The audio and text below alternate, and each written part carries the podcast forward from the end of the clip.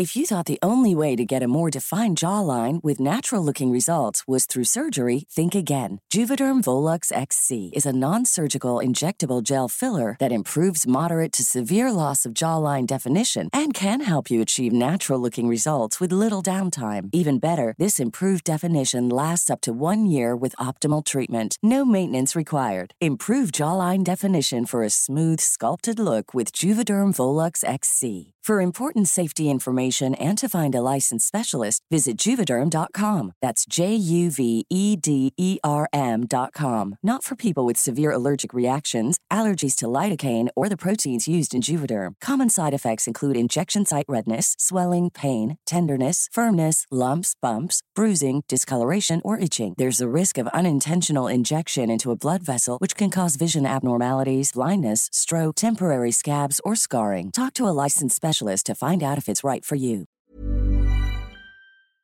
Helt siden de første menneskene slo seg ned i Trøndelag, har det blitt observert underlige lys over Hessdalen.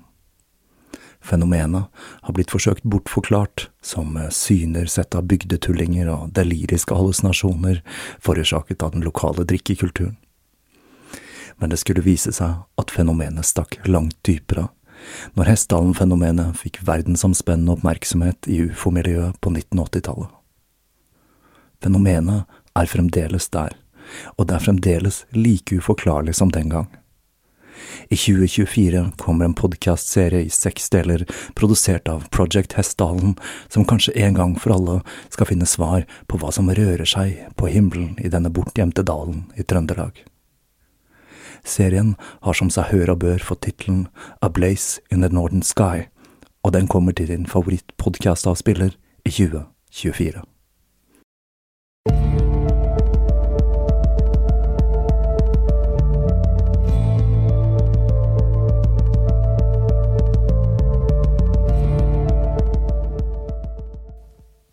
Lyset er livsenergien, den endeløse flammen til livet. En evig endrende strøm av farger kan omfavne dine visjoner. Dette er den endeløse transformasjonen av energi, livsprosessen. Vær ikke redd, overgi deg, bli en del av den, den er en del av deg.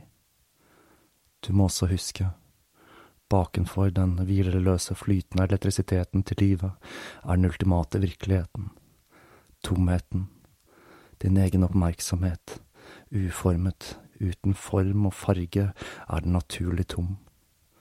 Den endelige virkeligheten, alt det gode, alt det fredelige, lyset, strålingen, bevegelsen er flammen til livet vi alle har kommet fra. Hei og velkommen til Tåkeprat.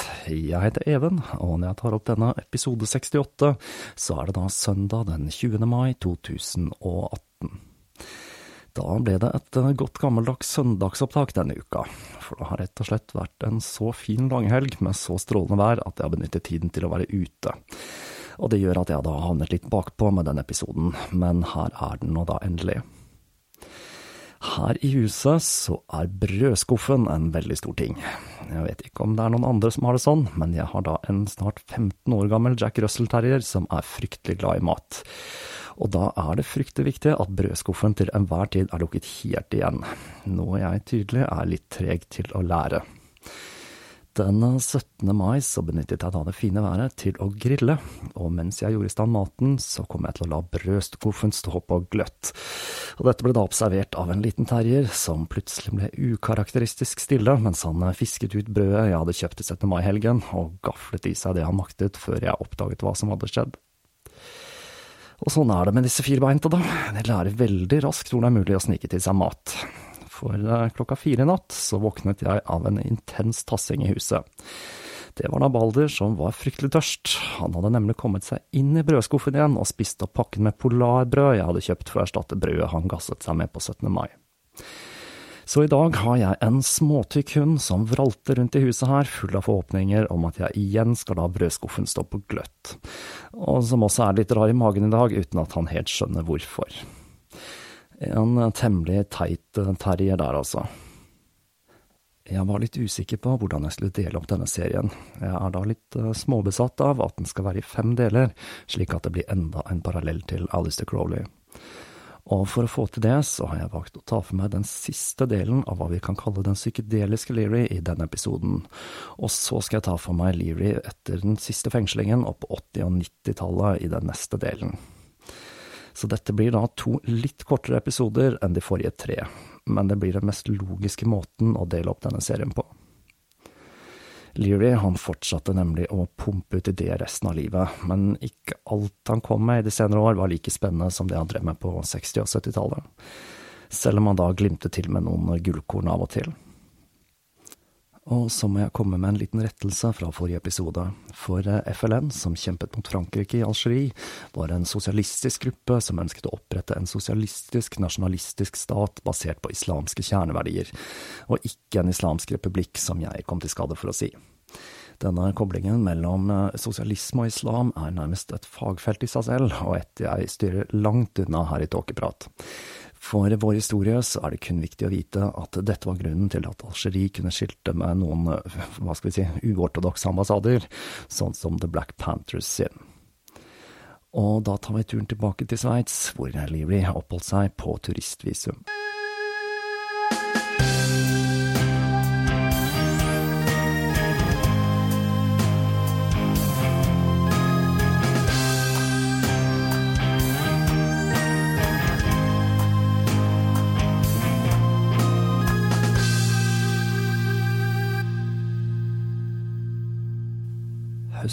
1971 fikk Tim og Rosemary besøk av tre venner. En av disse var Dennis Martino. Han var en av to tvillingbrødre med siciliansk opphav. Dennis var da en smugler som var tilknyttet The Brotherhood of Eternal Love, og som var kjent for sine grandiose historier, og som til stadighet snakket om sine mektige venner. Få trodde på fortellingene hans, men det skulle vise seg at om han ikke hadde kontakter med etterretningen i 1971, så var dette noe han etter hvert skulle få. Dennis sin tvillingbror David hadde giftet seg med Learys datter Susan, og på den måten så var brødrene og Leary familie. Dennis hadde da med seg sin gravide kjæreste Robin Wirtle, og tredjemann som kom på besøk den høsten, skulle vise seg å skape en del friksjon. Dette var John Chevelle, en kjekk canadisk smugler som hadde hjulpet Rosemary når Tim hadde vært fengslet. I den perioden så hadde de to hatt en affære, og dette var noe Tim ikke hadde tatt spesielt lett. Kanskje spesielt siden John var en kjekk ung mann som var yngre enn både Tim og Rosemary. Kjærlighetsforholdene til denne gjengen kan være litt vanskelig å følge med på, for Leary og hans nærmeste praktiserte en form for fri kjærlighet, der de alle delte sexpartnere. Men det oppsto da til stadig et drama mellom de ulike partene, noe man skulle tro de hadde lært av praksisen ved Middlebrook, men den gang ei.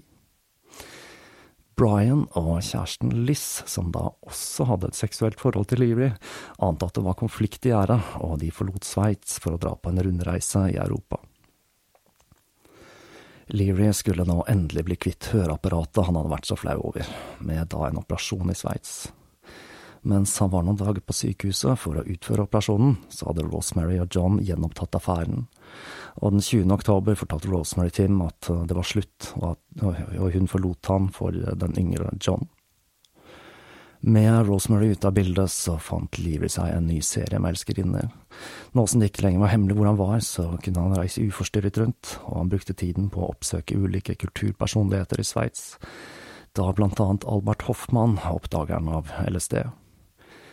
Og selv om Hoffmann nok ikke var et superfan av måten Leary oppfordrer folk til å ta stoffet på, samtidig som han da undervurderte potensialet for skade, så fant de to tonen og ble straks gode venner.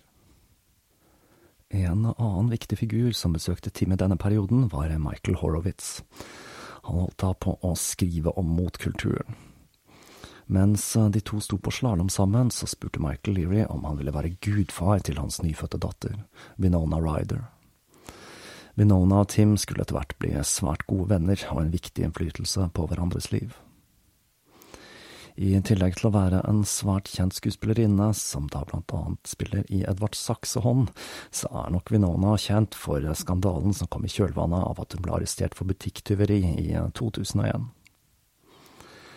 Men selv om det sosiale livet var givende, så sleit Lively med skrivelysten, etter han hadde frasagt seg alle rettighetene til Hockard. Og etter flere mislykkede forsøk på å skrive en bok om flukten, så fortalte han Hukard at han trengte hjelp fra Brian Barrett. Hukard sa seg villig til å hjelpe og fly inn Barrett, men for en pris.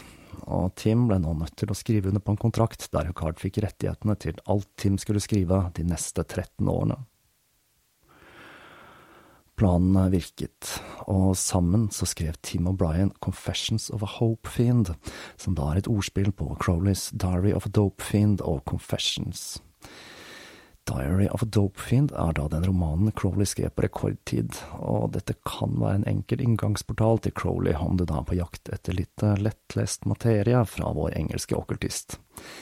Dette er da en historie om ruskulturen på Crowleys tid, hvor han da skrevet inn personer fra omgangskretsen sin, og det var selvsagt noe det ble bråk av. Med Bryans hjelp så ble manuset svært godt, og det skulle vise seg at Hucard var god til mer enn å selge våpen og lage sleipe kontrakter. Han framforhandlet nemlig en avtale med Bantam Books, der det ble utbetalt et forskudd på 250 000 dollar. Nå var Tim fortvilet, siden han hadde frasagt seg rettighetene til verkene sine, og en kveld de var i Huckards herskapshus, så la Tim merke til at safen ikke var lukket skikkelig igjen. Når Huckard gikk ut av rommet et lite øyeblikk, så snek han seg bort og satte et vindu på gløtt. Senere den kvelden snek han og Brian seg tilbake opp til huset. De klatret gjennom det åpne vinduet og stjal en mappe med dokumenter fra safen. Det hele gikk eh, knirkefritt, til tross for at de på veien hjem klarte å bli sittende fast i snøen på en jernbaneovergang, hvorfra de ble reddet fra å bli påkjørt av toget av en jernbanearbeider på vei til tidlig vakt men eh, da de to gikk gjennom dokumentene de hadde stjålet, så viste det seg at eh, Tim kun hadde fått tak i kvitteringer fra Cards våpenhandel. Rettighetene til verkene hans var i en sveitsisk bank, og Leary var fremdeles Huckards eiendom. Ettersom det nå var kjent hvor Leary holdt til, så ble han rent ned av folk som ville prate med det kulturelle ikonet, og en av disse var en musiker fra Tyskland som skulle spille en sentral rolle i Learys opphold i Sveits. Hartmann Enke kom fra Berlin, og var en del av musikkscenen som hadde begynt å utvikle seg der. Da det ikke var mulig å oppdrive så kraftige forsterkere som han følte han trengte for å uttrykke seg, så hadde den unge bassisten dratt til London, hvor han da hadde kjøpt fire gigantiske stacker som hadde tilhørt Pink Floyd. Og han klarte da å frakte de på egen hånd tilbake til Berlin ved hjelp av taxi, tog og båt, noe som vel mildt sagt er en bragd. Dette utstyret gjorde enormt inntrykk i Berlin, og en dag så kom Klaus Schulze, en trommeslager som akkurat hadde forlatt Tangerine Dream over øvingslokalet med de voldsomme forsterkerne, og sammen med enke og barndomsvennen Manuel Gutsching så startet de et nytt band, Ashra Tempel. Schulze introduserte bandet for en svært viktig figur i den tyske musikkscenen, medeier i Or Records, Rolf Ulrich Kaiser. Ashra Tempel ga ut to skiver som den britiske pressen brukte den nedlatende betegnelsen krautrock om. Men Keiser han hadde sin helt egen betegnelse på det Ashra Tempel drev med, nemlig kosmische musikk.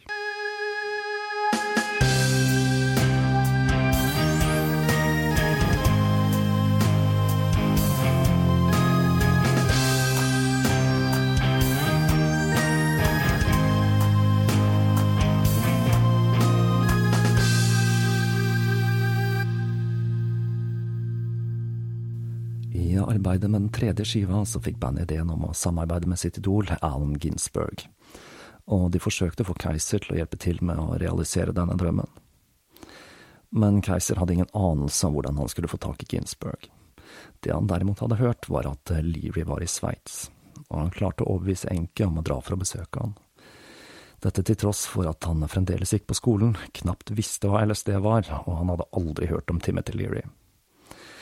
Keiser fortalte da at Leary var eh, vår tids Aldous Huxley for å pirre nysgjerrigheten til den unge gutten. Leary og Barrett eh, likte Ashra Temple. Musikken var helt annerledes enn hva de hadde hørt tidligere, og jo mer Leary lekte med ideen om å drive med musikkproduksjon, jo mer likte han den. Og han fikk en idé. Hva om han kunne kombinere bevissthetsmodellen sin med Ashra Temple sin musikk? På denne tiden besto Learys modell av sju nivåer.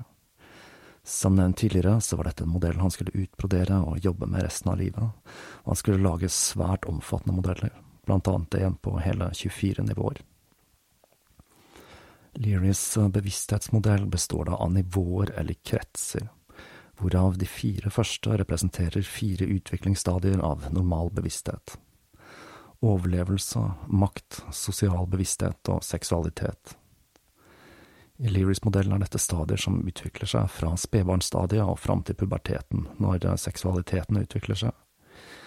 Leary's-modellen er da ganske interessant, om det er noen psykologer eller lignende som har lyst til å se på en litt alternativ modell av utviklingen til den menneskelige bevissthet. De tre neste nivåene omhandler høyere bevissthetsstadier.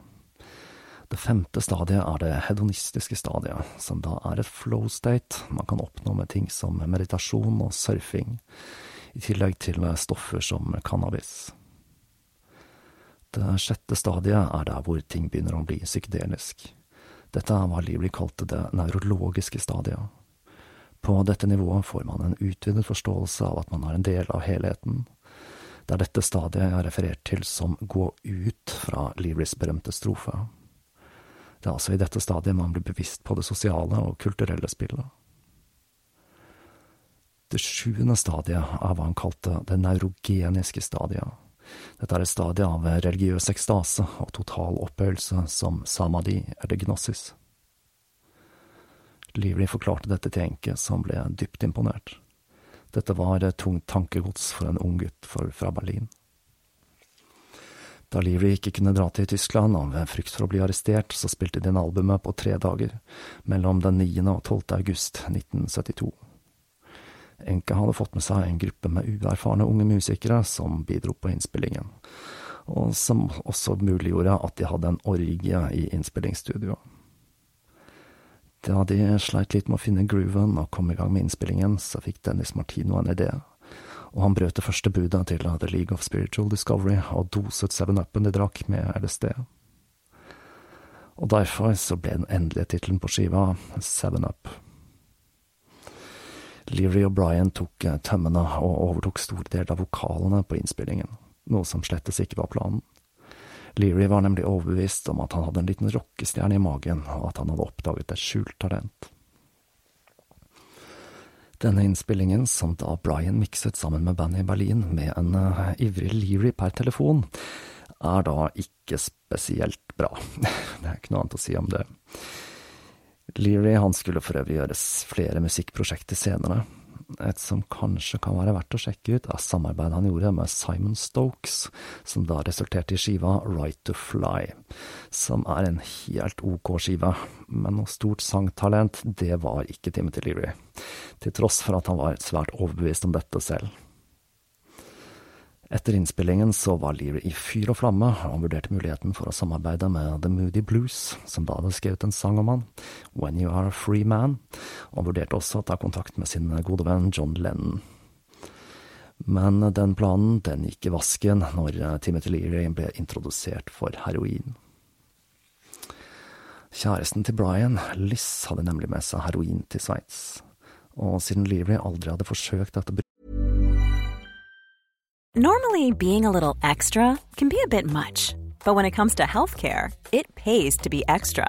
And United Healthcare makes it easy with Health Protector Guard fixed indemnity insurance plans. Underwritten by Golden Rule Insurance Company, they supplement your primary plan, helping you manage out of pocket costs without the usual requirements and restrictions like deductibles and enrollment periods. So when it comes to covering your medical bills, you can feel good about being a little extra. Visit uh1.com to find the Health Protector Guard plan for you.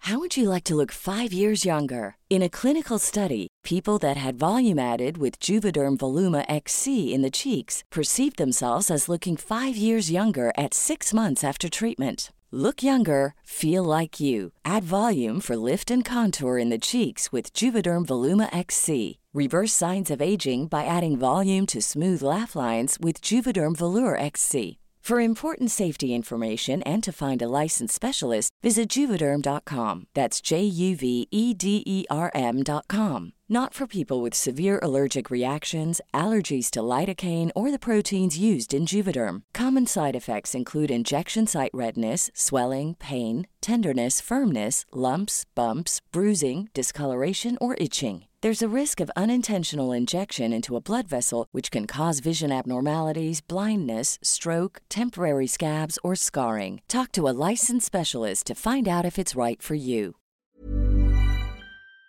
Brukte det opiatet, så så han på det som nærmest sin plikt å bli nærmere kjent med det.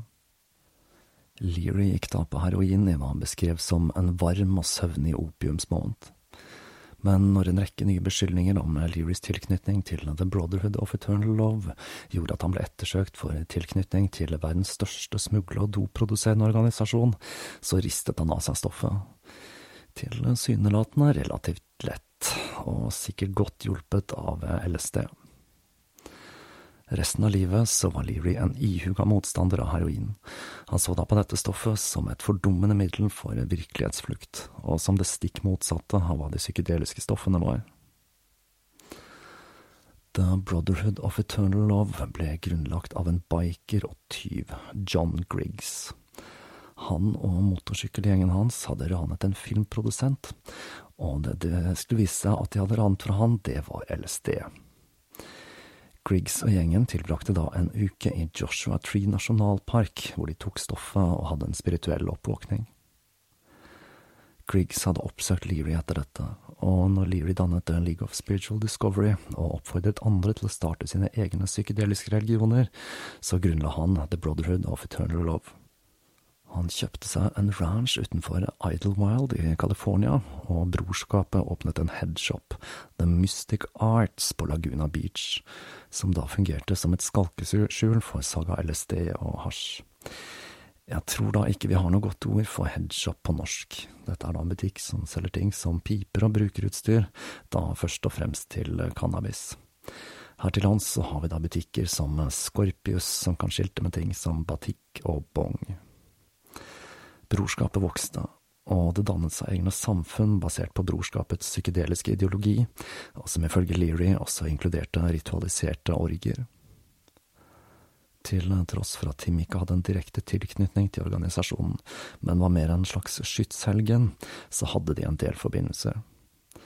Det var brorskapet som hadde betalt The Weather Underground for redningsaksjonen til Leary og Tim hadde også gått ut offentlig og anbefalt brorskapets LSD, Orange Sunshine, som den beste LSD-en på det svarte markedet.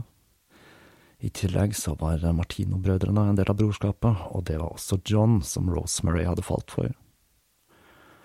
I august 1969 døde Griggs av en overdose, og selv om brorskapet allerede hadde produsert minst ti millioner doser med LSD frem til han døde, så var det da brorskapet gikk fra å være en idealistisk organisasjon til å bli big business med forbindelser til mafiaen. Og innen 1972 så var brorskapet blitt den største produsenten av LSD og hasj i verden, med baser da på steder som Afghanistan og Hawaii. The Bureau of Narcotics and Dangerous Drugs satte i gang en storstilt aksjon, og i løpet av juli og august så ble 40 mennesker arrestert, og 1,5 millioner doser LSD, 2,5 tonn hasj og 115 liter med cannabisolje ble konfiskert. Amerikanske myndigheter pekte da ut Leary som lederen for brorskapet, og en prislapp på fem millioner dollar ble satt på hodet hans, og nå begynte tiden å renne ut for han.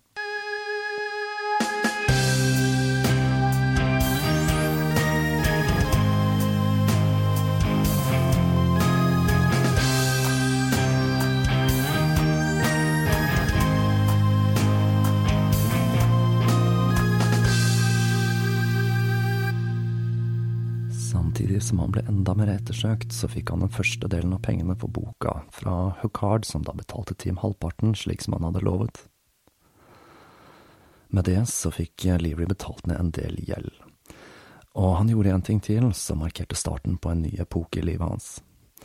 Han kjøpte en gul Porsche. For nå skulle han møte en kvinne mange ser på som Learys svar på Yoko Ono. Joanna Harcourt Smith.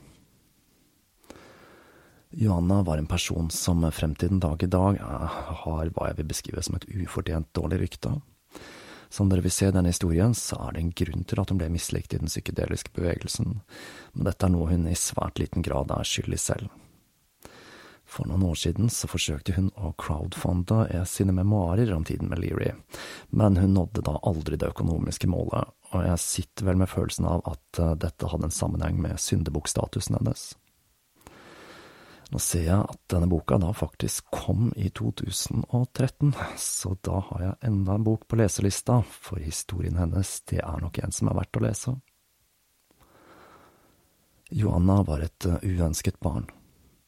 Moren hennes, Marissia, kom fra en velstående polsk familie, og faren var en engelsk aristokrat Marissia hadde giftet seg med for å få oppholdstillatelse i landet. Marissia var en jetsetter som beveget seg i de øvre sjiktene i samfunnet. Hun levde for fester og sosiale tilstelninger, og et barn, det var et bryderi hun ikke var tjent med.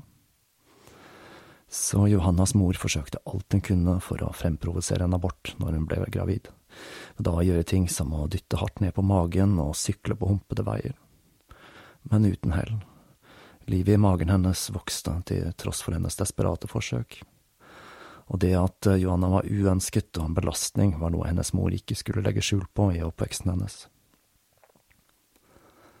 Da Johanna var elleve, så ble hun voldtatt av familiens sjåfør.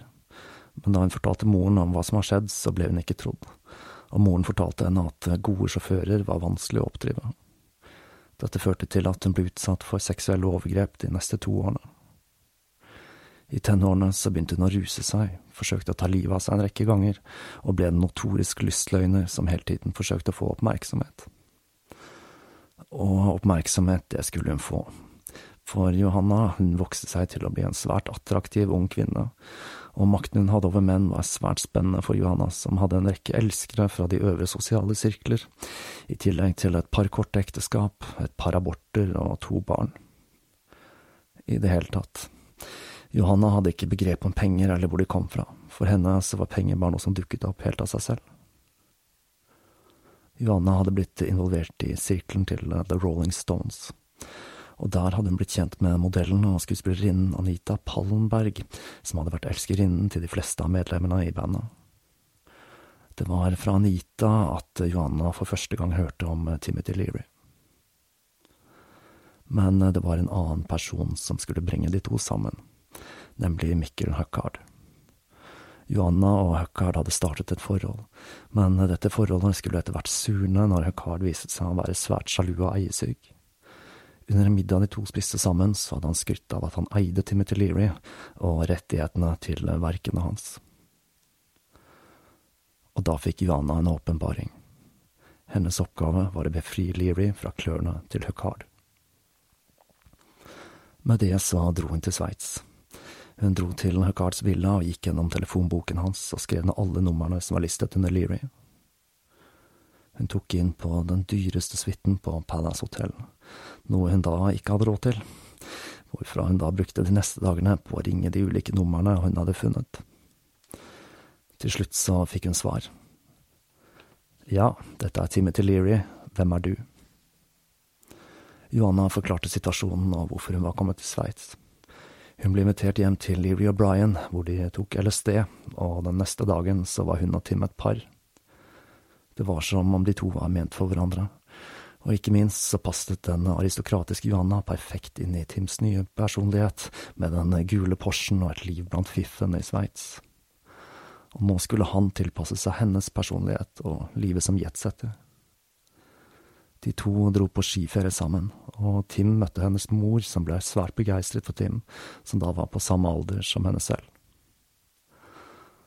Forholdet mellom de, de, to, det ble veldig ekstremt, og her er det en X-faktor, nemlig LSD.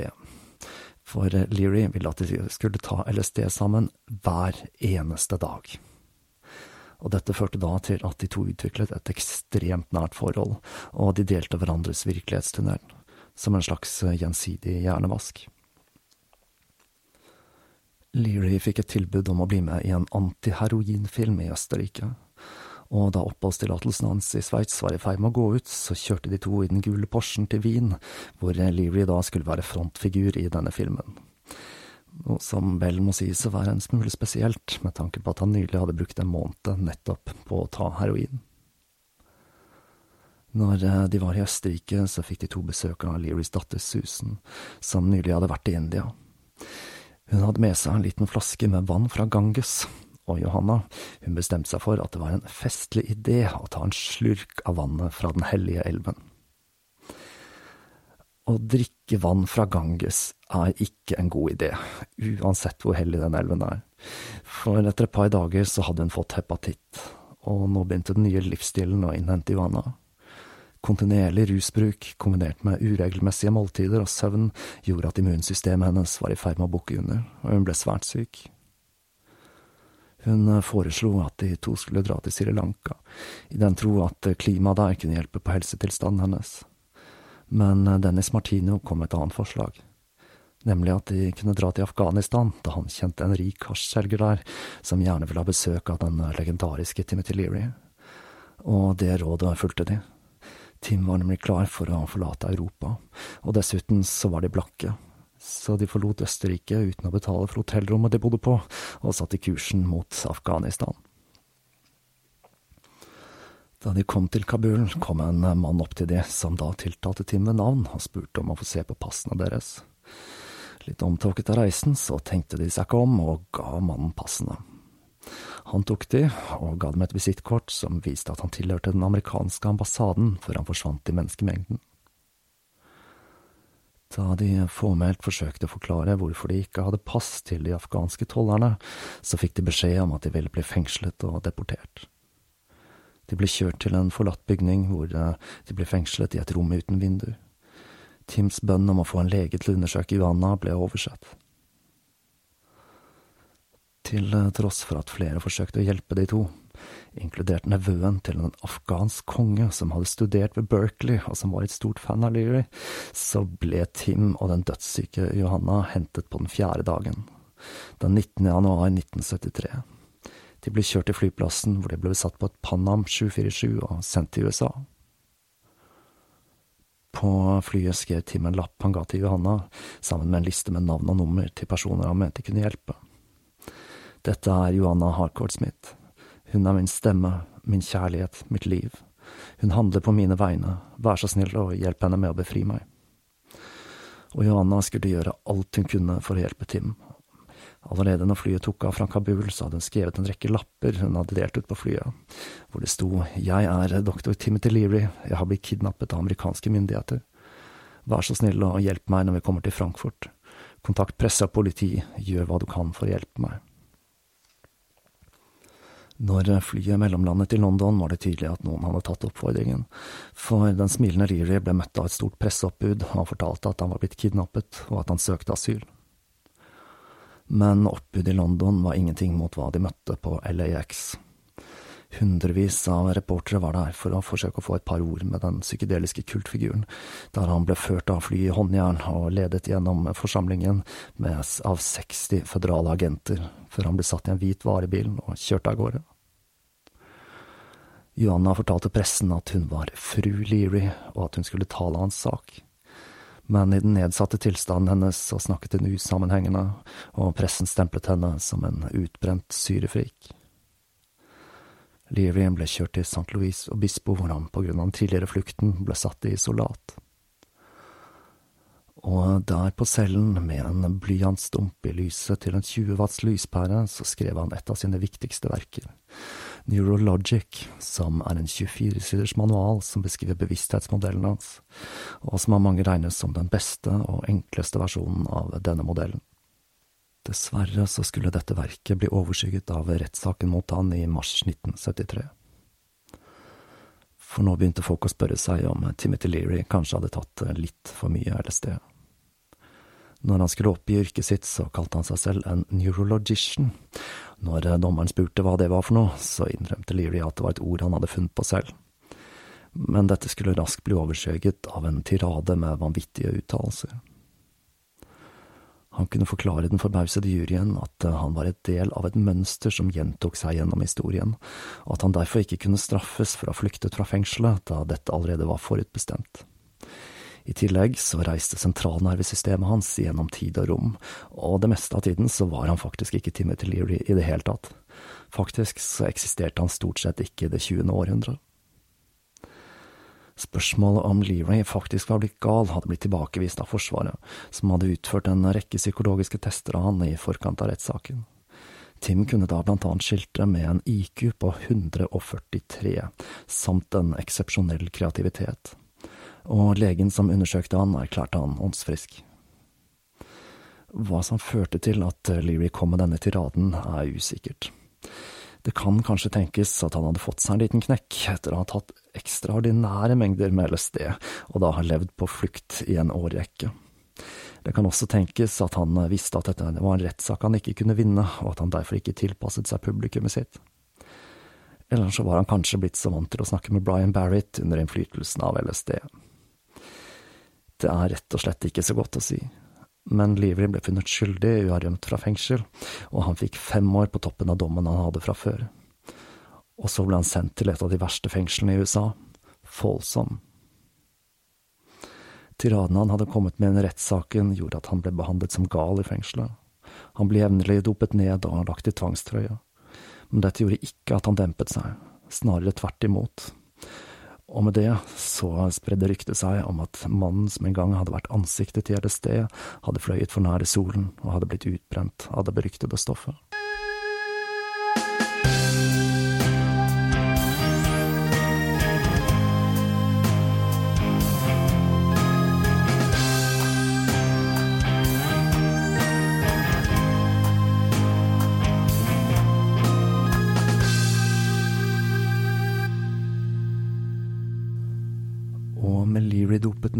Tvangstrøye forlater vi historien om den farligste mannen i Amerika for denne gang. Denne fengslingen markerte et skille i livet til Leary, og det vi skal se i neste og siste del, er at han beveger seg bort fra det psykedeliske og over i en rekke alternative og tidvis friske ideer. Nå begynner ting rett og slett å skli ut, men på en helt annen måte. For nå går han inn i den perioden der han blant annet var fryktelig opptatt av ting som migrasjon til verdensrommet, og hvor Johanna representerte Leary på utsiden av murene. Det er rett og slett vanskelig å ikke la seg fascinere over de mange aspektene av Timothy Leary, for dette var virkelig en mann med mange fasetter. Da tror jeg jeg skal gå ut og nyte det vakre maiværet med en misfornøyd hund som ikke skjønner at det å spise sitt eget volum i brød er en særs dårlig idé. På gjenhør.